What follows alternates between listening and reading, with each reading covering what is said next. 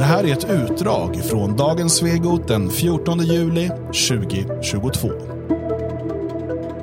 Om du vill höra hela programmet, gå in på svegot.se. Så det där är en typ av liksom åsiktsproduktion ifrån eh, Dagens Nyheter. Och varför jag säger åsiktsproduktion också, det är för att man måste förstå att för en stor del av befolkningen, så är, alltså, speciellt då i, i storstäderna, medelklassen och så vidare, så är det som skrivs på DNs eh, ledar och kultursidor, eh, det sätter agendan. Mm. Eh, det, här, det, det, här är liksom viktigt, det är många som läser det, det är många som, som liksom, eh, tar till sig av det. Människor som kanske inte är superintresserade av, liksom, eller deltar i debatten. För att ibland kan man få för sig, ja men på Twitter ser man ju inte de här. Nej, men de sitter inte på Twitter de här. De har andra eh, tjänster. De ja, som... men framförallt så är det så att även om eh, alltså, en majoritet läser ju inte de här artiklarna, men väldigt viktiga människor läser det. Mm. Och alla journalister runt om i hela Sverige sitter och läser det här Mm. och, och för det vidare till sina lokaltidningar och för Mm. det vidare. Det är ju här agendan sätts och sen sprids den ju ut. Mm. Om ett år sen så läser man liknande artiklar när de tycker att nu är det glömt så kopierar de artikeln i princip och skriver en likadan. I Mariestadstidningen. Ja, till exempel. Jo, men det blir så. Eh, precis. Så det, här, det, det är viktigt, det som skrivs på de här ledare och kultursidorna, eh, Dagens Nyheter och, och, och framförallt skulle jag säga, och sen Svenska Dagbladet, Aftonbladet, Expressen har också påverkat, men Dagens Nyheter har ehm, i, i, i vänster och liberala kretsar, i, i, åtminstone i Stockholm, eh, där jag är uppvuxen, så har det en särställning. Eh, som liksom, det är den tidningen man ska läsa. Det, det Ja, visar på, på- menar, att, att du har DN på eh, liksom, eh, halmmattan på morgonen, det visar på kulturellt kapital. Det, är- det är en statussymbol. Ja, och så titta på Twitter för all del. Titta på regeringens representanter, Morgan Johansson, eh, Annika Strandhäll och så vidare. Den tidningen de faktiskt länkar till oftast är Dagens Nyheter och Mm. deras ledarartiklar som de håller med om och tycker är jätteviktiga att det ska läsas och spridas. Och eh, idag då i Dagens Nyheter på ledarsidan så publiceras eh, en kolumn av Hanne Kjöller eh, och eh, har fått rubriken Tänka sig att Ebba Busch har blivit identitetspolitikens företrädare. Mm. Identitetspolitik, eh, jag var tvungen att titta upp det här nu eh, för att eh, det är ett begrepp som man slänger sig med. Så hur, hur definieras det på Wikipedia? Då står det identitetspolitik är politiska ställningstaganden som grundar sig på perspektiv utifrån tillhörighet till en sociokulturell grupp i syfte att bevara denna grupps ställning och stärka dess intressen. Därigenom kan människors politiska åskådning gestaltas utifrån den identitet de har som medlemmar och grupper. Förenklat kan det sägas att det är politik baserad på gruppidentitet. Arbetarrörelsen. Ja, fast det, ja. Men det har ju framförallt handlat om ras. Ju. Eh, Det är därför det står sociokulturell istället för Ja. socioekonomisk. Ja, det har ju varit eh, ras och i viss mån kön. Som, Och sexuell som har, eh, läggning. Ja, sexuell läggning. Det är ju det som har definierat i, i, i och med att det är ett amerikanskt begrepp som allting annat som vänstern rör sig med. Ja. Och då tänker man, Ebba Busch, eh, hur har hon blivit identitetspolitikens företrädare? Och jag läser den här, och jag läser den igen. och så känner jag att nu har vi bytt vad det här begreppet betyder då. Mm. Eh, för att det här handlar nämligen om vargjakten. Ja. Och eh, där säger då Ebba Busch i, hon deltar i partiledarutfrågningen i Sveriges Radio, sommarens partiledarutfrågning. Och eh, eh, menar då att man ska lyssna på de människor som, eh, som drabbas av vargen och som bor nära vargen. Det här är vi ju ett tag sedan för jag för mig som hon sa där. Kjöller har fan suttit ett tag och funderat på hur de ska... Ja, eller så är det här bara inte en tillräckligt stark artikel, hon har redan legat, den har legat som backup till semestern. Det kan vara så.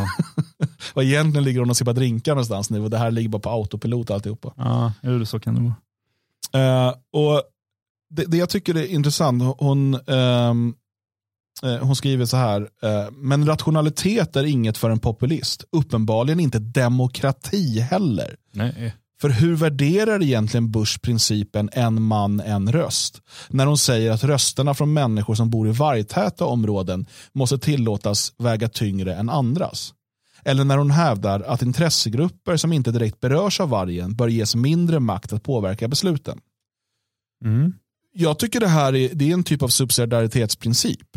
Nej, det här är identitetspolitik så det skriker om det. Och, eh, som då Hanne Kjöller, då, jag vet inte om hon, hon är från Uppsala, jag antar att hon bor i Stockholm någonstans nu. Hon har i alla fall sitt bolag registrerat i Stockholm. Eh, hon kan mycket väl ha någon sommarstuga någonstans och liksom erfarenhet av varg eller, eller sådär. Men, men det är väl ganska självklart eh, att, för det, det, är alltid, den här frågan om vargen är, är ju infekterad i Sverige. Mm.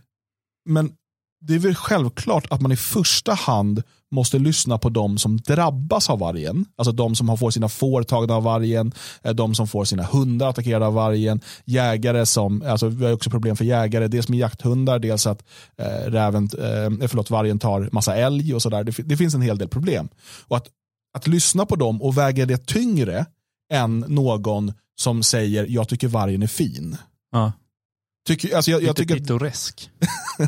ja, men det är viktigare att lyssna på de som lever med och drabbas av vargen. Ja, men jag, jag tänker lite så här att eh, Hanne Kjöller, hon, hon har ju skyddad identitet eller så heter hon någonting annat. Men hon, det är lite oklart var hon bor men jag gissar på typ Södermalm.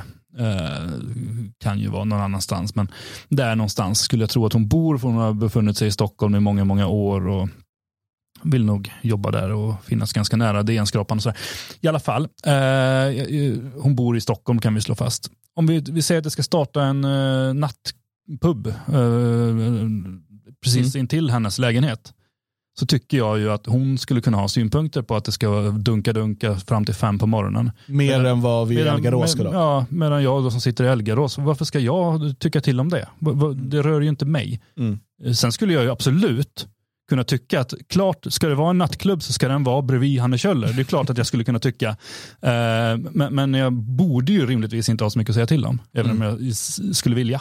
Mm. Hanne Kjöller verkar drivas av någon typ av förakt, närmaste hat emot människor utanför storstäderna. Ehm, hon skrev ju eh, för inte så länge sedan, det var i april i år, en ledarartikel uh, eller kolumn eller vad de nu kallar det för på, på ledarsidan Dagens Nyheter med eh, rubriken Flytta om du tycker det är hemskt att bo i glesbygd. Ja. Och då är det ju, alltså på glesbygden då så har man då pratat om de höjda bensinpriserna och det problemen med det, höjda energipriserna, att det slår väldigt hårt mot människor som bor i hus och sådär på glesbygden. Mm. Ja men flytta då, flytta till Södermalm. Ja. Här är det inga problem med det. Nej, och det finns ju mycket lägenheter också. Det är bara att Eh, flytta. Och äh, Äh, det, det, är väldigt, väldigt intressant. Och sen eh, när det kom en del kritik mot den, jag ska bara lyssna kort här ifrån eh, P4 Värmland då som, som pratar med henne. Tyvärr ställs aldrig frågan till offerkoftorna i glesbygd. Men varför bor du där om det nu är så eländigt? Så skrev Hanne Kjöller i DN och det här har väckt många reaktioner. Jag tycker att om det är så här att man känner sig verkligen så här eländigt behandlad och att man liksom drar det kortaste strået hela tiden, ja men varför bor man där då? Men jag tror att det är så här att många som bor glest i landsbygd eller glesbygd förstår inte riktigt heller hur människor i storstäderna bor. Nej, hur menar du då? Nej, men då menar jag så här att till exempel jag bodde i en, jag har en inkomst som ligger högre än medianinkomsten i Sverige. Jag bodde fram till jag var 36 år i en ettrumslägenhet. Eh, idag bor jag i en trerumslägenhet. Idag är jag närmare 60. Bengt Höglind, P4 Värmland. Flytta om du tycker att det är så hemskt. Eh, menar hon att hon tror att folk på gles och landsbygd tror att alla i Stockholm bor i palats? Ja, Är inte det så en sak som gör så här, jag vill inte bo i storstaden för att det finns dåligt med lägenheter och man har bara råd att bo väldigt litet? ja. Eh, så kan det ju vara. Sen verkar det dessutom vara väldigt svårt att få lägenhet så att att bara flytta in till Det är stan bara, verkar det är bara knepigt. mellan 20 och 40 års bostadskö i Stockholm just Då är nu. det inte helt lätt att flytta som man säger. Ja, men, Hon, vi kan hon- väl låna nu, 10 nu, när hon är miljoner? närmare 60 så bor hon i en trea. Ensam vad det verkar som också. Så här, karriärskvinna som hon är. Ja. Eh, Så har hon valt bort det där med familj och barn och sånt. Eh, också lite... Um, Ja, men, men det är liksom den står här, med en trea till om hon bor ensam? Så här? Är det klimatsmart? det är ett rum för katterna. Ja, det är klart. Och en för gamla DN-tidningar som hon har strukit under vad hon har skrivit. Men, men, men det är ju alltså det, det är den här äh, äh,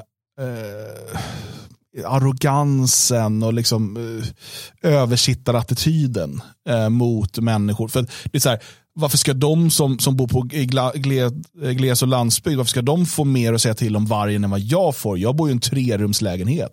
Mm. Jag tjänar mer än de flesta. Ja, jag ju högre medianinkomsterna. Ni fattar, flytta därifrån då om vargen är så jobbig. Mm. Alla kan väl, kan inte alla bo i stan? Ja, det finns plats i min trea. Vi ska snart snacka islamofobi och en eh, del Det här var ett utdrag ifrån dagens Svegot den 14 juli 2022. Om du vill höra hela programmet, där vi bland annat eh, talar om utvecklingen kring överfallet på det svenska flickebarnet i Skellefteå, inflationen och dessutom titta närmare på regeringens nya åtgärdsprogram mot islamofobin Ja, då går du in på svegot.se och så tecknar du en stödprenumeration. Då får du tillgång till hela arkivet och ett nytt avsnitt av Dagens Svegot varje dag.